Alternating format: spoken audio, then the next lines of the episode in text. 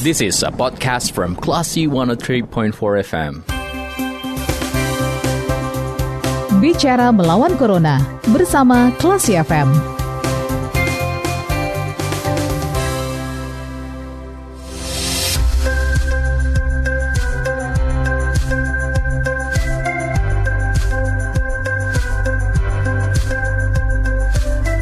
One for Kelas FM, this is the Actual Radio. Selamat sore Kelas People, Anda kembali mencermati program Bicara Melawan Corona. Hari ini Jumat 18 September 2020 di jam 16 ya Kelas People. Dan Anda uh, sedang mencermati bersama saya Audi Effendi tentunya Kelas People. Masker diketahui menjadi salah satu cara pengendalian penularan COVID-19 ya. Tapi Kelas People tidak semua jenis masker bisa menawarkan perlindungan yang sama terhadap masuknya droplet atau partikel pembawa virus COVID-19. Nah, kira-kira masker jenis apa saja sih yang efektif dan yang tidak efektif digunakan kalau people? Saatnya kita terhubung bersama dengan Dr. Ros Laili Rashid M. Biomed, Ketua Komite Pencegahan dan juga Pengendalian Infeksi Rumah Sakit RSUPM Jamil Padang. Kita langsung sapa ya. Halo Dr. Lili, selamat sore. Apa kabar? Selamat sore Audi, selamat sore. Alham, uh, Alhamdulillah baik. Oke, okay. uh, eh, dokter kan saat ini ada larangan untuk penggunaan masker scuba dan juga buff yang dinyatakan iya. kurang efektif untuk menangkal masuknya uh, droplet atau virus corona. Ini seperti apa tanggapannya, dokter? Iya, uh, selamat sore Ibu Bapak, pendengar Klesi FM yang uh, saya hormati. Saya uh, hari ini saya diwawancarai dengan uh, dengan Audi ya tentang mm -hmm. masker scuba. Halo. Iya. Ya, uh, berbicara mengenai masker. Masker ini sebenarnya kan memang uh, salah satu cara yang memang uh, sangat urgen kita uh, sosialisasikan saat ini Audi mm-hmm. bagaimana kalau kita tidak menjaga jarak, tidak mencuci tangan, tidak memakai masker itu memang uh, paparan uh, COVID-19 saat ini uh, sangat mengkhawatirkan mm-hmm. di mana uh, kita semua tahu bahwa uh, angka positif COVID-19 uh, di Kota Padang, terutama di uh, di laporan-laporan uh, dari pemeriksaan di lab FK, FK Unan itu memang di tempat kita itu memang semakin hari semakin uh, meningkat jumlahnya yang ter, ter, terkonfirmasi positif. Nah, um, ada beberapa yang memang uh, urgen kita, uh, sangat penting kita bicarakan di sini mengenai uh, masker. Mas, di mana masker uh, ada larangan uh, beberapa hari yang lalu tentang masker scuba atau kita sebut juga buff ya. Mm-hmm. Masker scuba itu ibu bapak pasti sudah tahu bahwa itu banyak dijual di pinggir-pinggir jalan. Mm-hmm. Masker yang terdiri hanya satu lapis uh, dan bahannya itu seperti karet, uh, seperti apa ya, seperti uh, tipis sekali. Mm-hmm. Itu memang uh, sangat praktis disangkut di telinga. Itu uh, sudah bisa menutup uh, hidung sampai dagu. Kalau memang sekedar menutup, oke. Okay. Tapi mengenai ke pori-pori yang yang yang yang di yang bisa dilewati oleh uh, virus hmm. itu sangat tidak uh, tidak relevan dengan uh, uh, jumlah yang bisa disaring.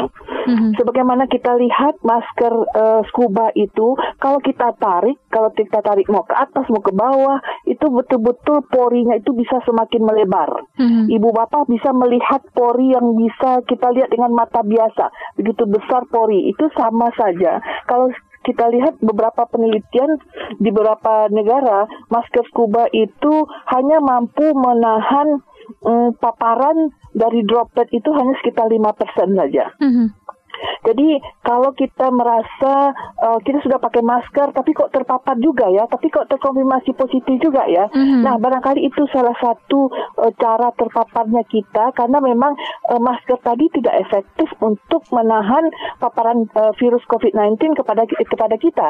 Nah, lalu Uh, kenapa bisa begitu? Karena memang itu pori-porinya itu memang secara setelah diteliti itu memang tidak tidak bisa menahan uh, mau mau kita terpapar atau kita akan mengeluarkan virus itu juga berbahaya. Hmm. Ibu bapak coba memakai masker scuba tadi, lalu coba bersin. Hmm. Coba rasakan di luarnya itu permukaannya itu pasti basah. Hmm. Nah jadi memang benar-benar itu tidak ada mampu menahan mau kita memaparkan ke orang lain. Misalnya kita OTG nih, hmm. kita bisa saja memaparkan ke orang lain. Kenapa? Karena virus yang kita dropletkan, kita pancarkan dari bersin atau batuk kita itu bisa terpapar keluar dan itu membahayakan uh, teman atau lawan bicara kita atau lingkungan tempat kita berada. Nah, lalu kalau kita juga berhadapan dengan orang yang memakai masker scuba, harus hati-hati. Kenapa? Karena ketika dia berbicara, apalagi dia berbicara keras, nah itu kan saya dosen mikrobiologi FK Unan. Hmm. Jadi kita saya selalu mengajarkan uh, ketika berbicara biasa saja itu bisa 10 sampai 100 partikel mikroba yang kita keluarkan apalagi ketika bisa bersin Masya Allah, itu bukan main. Kalau kita tampung itu lalu kita tanam, itu benar-benar men men menumbuhkan mikroba yang ribuan. Mm-hmm. Sekali kita bersin.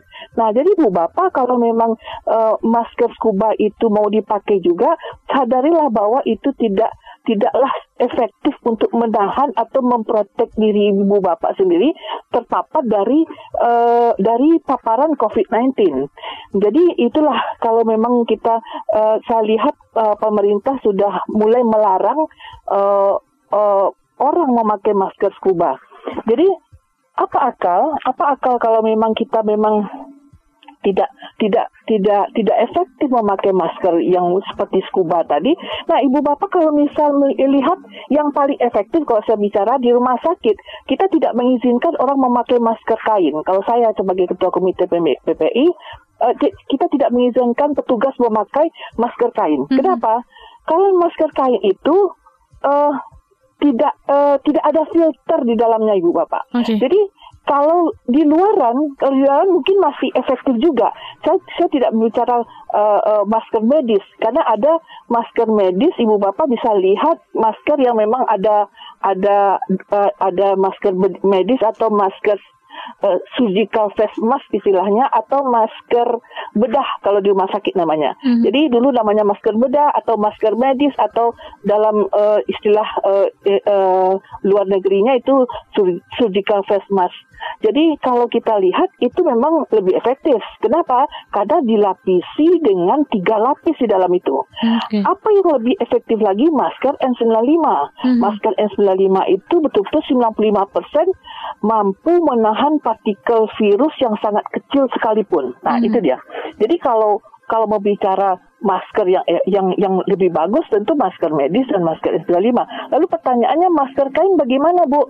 Oke, masker kain itu jauh lebih bagus daripada masker scuba. Hmm. Kenapa saya katakan begitu? Masker kain apalagi kalau kain itu berlapis-lapis, dibuat berlapis-lapis itu bagus. Kenapa? Karena kita sekarang berbicara dengan uh, itunya Eh, pori-pori. Jadi pori-pori yang terdapat pada masker tadi sudah mampukah ini menahan virus atau partikel lainnya untuk kita terhirup atau kita melemparkannya ke orang lain? Nah itu itu bergantung ke da dari kerapatan kerapatan pori yang kita pakai mas eh, sebagai masker tadi. Kalau masker kain itu, ibu bapak boleh lihat masker kain itu terbuat dari apa? Oke, kain dari kain yang dibuat berlapis yang memang uh, lebih rapat kerapatannya dibandingkan dengan scuba tadi. Scuba itu di mana yang dilarang itu adalah yang yang yang yang masker yang hanya selapis lalu terbuat dari bahan seperti kaos lalu kalau ditarik diregang ke atas atau ke bawah atau ke samping itu jelas akan uh, apa ya pori-porinya itu semakin terbuka mm-hmm. uh, lebar semakin karena terjadi ya. peregangan tadi. Mm-hmm. Lalu uh, bagaimana Bu? Apakah memang masker scuba nggak boleh dipakai? Enggak. Kalau saya jawab enggak. Kenapa?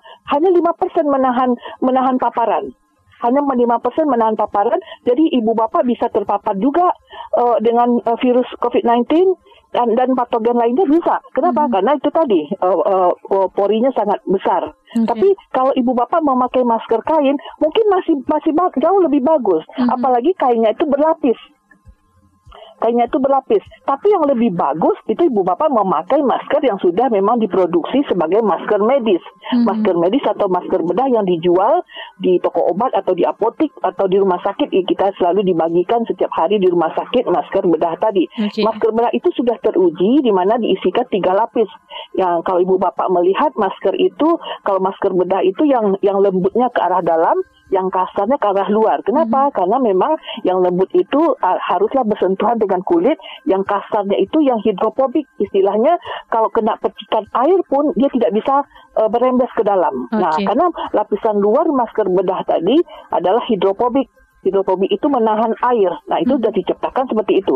Tapi kalau masker kain tentu tidak hidrofobik. Kenapa? Karena dia kalaupun dia terpecik e, basah oleh bersin atau apa, dia pasti akan merembes juga keluar. Tapi pori-porinya jauh lebih halus dibandingkan dengan masker scuba tadi. Okay. Itu saja Audi. Nah, uh, Ibu berarti uh, masker yang sangat efektif tadi disarankan adalah menggunakan masker bedah dan juga N95 seperti yang kita ya, ketahui uh, untuk uh, apa pengadaan dari masker bedah dan juga N95 ini kan dikhususkan untuk para tenaga medis ya. Masyarakat kita disarankan untuk menggunakan masker kain yang lapisannya ada tiga tiga begitu ya Ibu ya. Nah, uh, ya, berapa ya. jam sih Ibu efektifnya masker kain ini digunakan?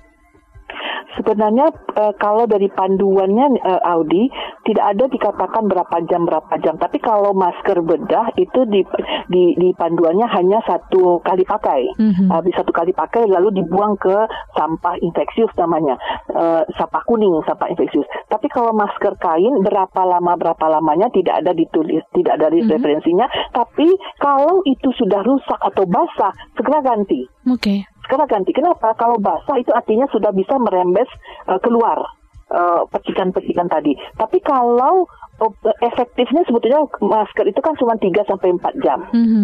3 sampai 4 jam itu efektifnya. Tapi kalau masih dipakai terpaksa lebih lama, segera buka dan cuci seperti itu. Okay. Apalagi kalau sudah sampai di rumah, segera buka dan cuci. Dan itu jangan dipakai untuk besok lagi. Mm -hmm. Karena uh, itu segera dilepas ketika mau masuk rumah.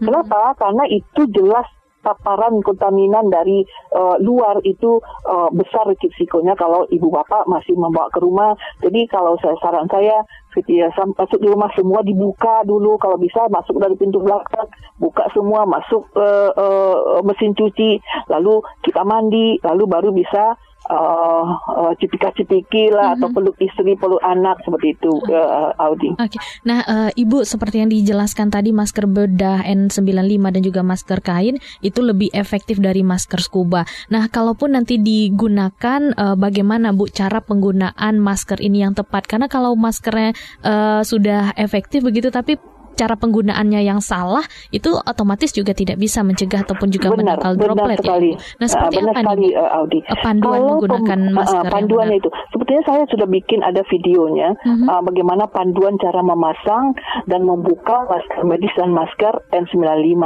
Tapi itu untuk untuk mahasiswa kedokteran uh, untuk uh, panduannya saja mungkin di radio ini saya tidak bisa mencobakannya karena uh-huh. audiens tidak bisa melihat. Jadi panduannya sebetulnya yang harus yang harus kita periksa adalah uh, masker itu haruslah tertutup mukosa mukosa lubang-lubang semuanya hmm. lubang hidung dan lubang mulut kan itu tujuan awalnya tapi bagaimana pelaksanaannya sering kali orang memakai nyangkut di di da, di, di, di dagu hmm. uh, di bawah hidung yang tertutup mulutnya saja padahal yang yang sangat bersiko itu kan yang bernafas ini iya, hidung ini hidungnya. jadi hidungnya ini lepas nggak tertutup. Mm-hmm. Lalu dia merasa sudah pakai masker yang ditutup mulut. Mm-hmm. Padahal yang berisiko hidungnya. Hidungnya ya itu jauh lebih, lebih berisiko daripada mulut. Kenapa hidung itu yang menghirup kan? Mm-hmm. Jadi dia menghirup uh, paparan-paparan yang COVID-19 yang dari udara, uh, dari dari droplet sekitar. Nah, jadi kalau masker itu pemasangannya yang pasti haruslah tertutup. Jadi sampai hidung ini tertutup sampai dagu sampai dagu ini tutup dan itu betul-betul diikatkan ke belakang talinya. Mm-hmm. Talinya itu betul-betul rapat ke belakang. Nah, tapi yang lebih rapat lagi tentu masker N95 Audi. Mm-hmm. Apa saya katakan masker N95 jauh lebih rapat? Karena di samping filter untuk masker N95 itu lebih banyak daripada masker bedah, biasanya masker N95 itu filter yang ada di dalam filter itu jaringan-jaringan ya uh, apa filter atau apa ya semacam uh, penyaring filter lapisan penyaring. Jadi mm -hmm. kalau N95 itu lapisan penyaring itu 5 5 sampai 6. Mm -hmm. Jadi benar-benar uh, mampu menahan 95% lebih partikel virus yang sangat kecil. Jadi kalau bakteri bakteri atau kuman itu ukurannya mikron atau seperseribu milimeter, kalau virus itu ukurannya nanomikron, jauh lebih kecil lagi. Nggak bisa mhm. kita uh, lihat dengan mikroskop pun, dia hanya bisa dilihat dengan mikroskop elektron. Jadi kalau masker N95 itu porinya yang ditahannya itu betul-betul partikel yang sangat halus sekali. Hmm. Jadi jauh lebih hebat, lebih bagus lagi. Nah, kelebihan dari N95 ini sebenarnya dia pemakaiannya itu lebih fix. Jadi hmm. lebih apa ya lebih uh, lebih menempel. Kenapa begitu? Karena di atasnya ini sebetulnya ada ada uh, besi besi apa besi pe, besi halus yang memang uh, bukan besi ya, ya besi besi halus dan cap, chapter begitu. Jadi bisa mengikuti uh, bentuk hidung dan muka ya muka jadi benar-benar uh, tertutup rapat nah jadi ada tesnya juga nanti ada ada cara mengetesnya apakah ini ada bocor kiri kanan biasanya hmm. tidak ada bocor biasanya jadi apakah kita menghirup itu masih terhirupkah udara luar atau kita menghembuskan nafas masih masih lepaskah dia keluar itu ada tesnya nanti hmm. jadi Intinya pemakaian N95 jauh lebih efektif untuk menahan paparan virus uh, COVID-19. Okay. Itu uh, jauh lebih bagus. Tapi kalau untuk uh, tapi itu hanya dipakai untuk daerah red zone mm -hmm. Audi maksud ibu daerah red zone itu benar-benar kita masuk ke ruangan yang orang betul-betul sudah positif COVID-19. Okay. Audi bisa lihat misalnya uh, ibu bapak yang lain juga bisa lihat i, orang yang pakai hazmat dan pakai uh, seperti astronot itu mm -hmm. masuk ke ruang isolasi di rumah sakit M Jamil itu itu daerah red zone namanya. Mm -hmm. Itu dia memakai N95. Saya selalu katakan untuk pemakai N95 ini adalah untuk level 3. Mm -hmm. Level 3 artinya apa di daerah red zone atau boleh di level 2 atau di level di level 1 uh, green zone dan yellow zone kalau dia melakukan uh, tindakan intervensi yang berpotensi mengeluarkan aerosol seperti pemasangan intubasi, pemasangan hmm. ventilator. Nah, itu perawat atau petugas itu kan berpotensi terkena percikan atau petugas swab juga. Petugas mengambil swab itu ibu bapak boleh lihat siapa yang pernah diswab. Itu semua petugas yang akan mengambil swab itu semuanya saya wajibkan, kita wajibkan semuanya pakai N95 dan baju hazmat. Mm-hmm. Kenapa? Karena itu ketika diambil swab itu pasien pasien yang diambil swab itu pasti akan terbatuk atau bersin kadang-kadang kan. Nah, itu petugas yang mengambil rentan sekali akan terpapar oleh virus COVID-19. Makanya saya perlu katakan petugas yang akan mengambil swab itu harus memakai masker N95. Tidak boleh uh, masker bedah. Masker bedah ini hanya untuk ruangan-ruangan yang yellow zone atau level 2. Nah, ibu bapak yang berada di ruangan di ruangan dua eh, di jalan-jalan eh, maksudnya di di luar rumah sakit itu cukup pakai masker eh, medis juga boleh atau boleh pakai masker kain. Asal tidak pakai masker scuba karena masker scuba itu eh, ketahanannya atau uh, proteksi paparannya hanya sekitar 5%. Itu saja Audi. Oke, berarti uh, kelas people kita sudah sama-sama mendengarkan juga bahwa masker scuba yang banyak sekali dijual di pasaran bahkan sekarang ini juga menjamur begitu ya Dokter Lili itu iya. tidak lah efektif ya dan sebaiknya menggunakan iya, uh, uh, masker kain uh, uh, dengan tiga lapisan. Iya, uh, uh, benar, benar Audi. Oke, okay. dokter terakhir harapan ataupun juga mungkin himbauan untuk uh, kelas people yang masih kurang uh, disiplin dalam menggunakan uh, masker ataupun bahkan tidak menggunakan masker sama sekali ketika berkeliaran iya, ataupun beraktivitas iya, iya. di luar ruangan. Silakan iya, dokter. Iya, oke, okay, oke okay, Audi. Ini benar-benar apa ya miris saya melihat kami dari petugas-petugas yang memang bekerja selalu di rumah sakit ini benar-benar menghimbau kepada masyarakat untuk uh, patuhilah protokol kesehatan, patuhilah memakai masker, menjaga jarak, mencuci tangan, uh, uh, uh, itu yang sangat penting sekali. Lalu uh, kalau itu sudah dilakukan, uh, sudah jelas banyak penelitian-penelitian yang memang mendapatkan hasil jauh penurunan uh, paparan COVID-19 ketika ibu bapak semua mematuhi protokol kesehatan. Kasihanilah petugas kesehatan, kasihanilah uh, ibu bapak sendiri yang mempunyai orang tua. Kenapa? Karena kalau OTG itu barangkali merasa uh, anak muda yang imunnya bagus, barangkali ah ngapain uh, ini kok sibuk-sibuk sekali dengan COVID-19. Hmm. Tapi dia tidak tahu bahwa berapa rumah sakit yang memang sudah penuh, berapa petugas yang sudah terpapar,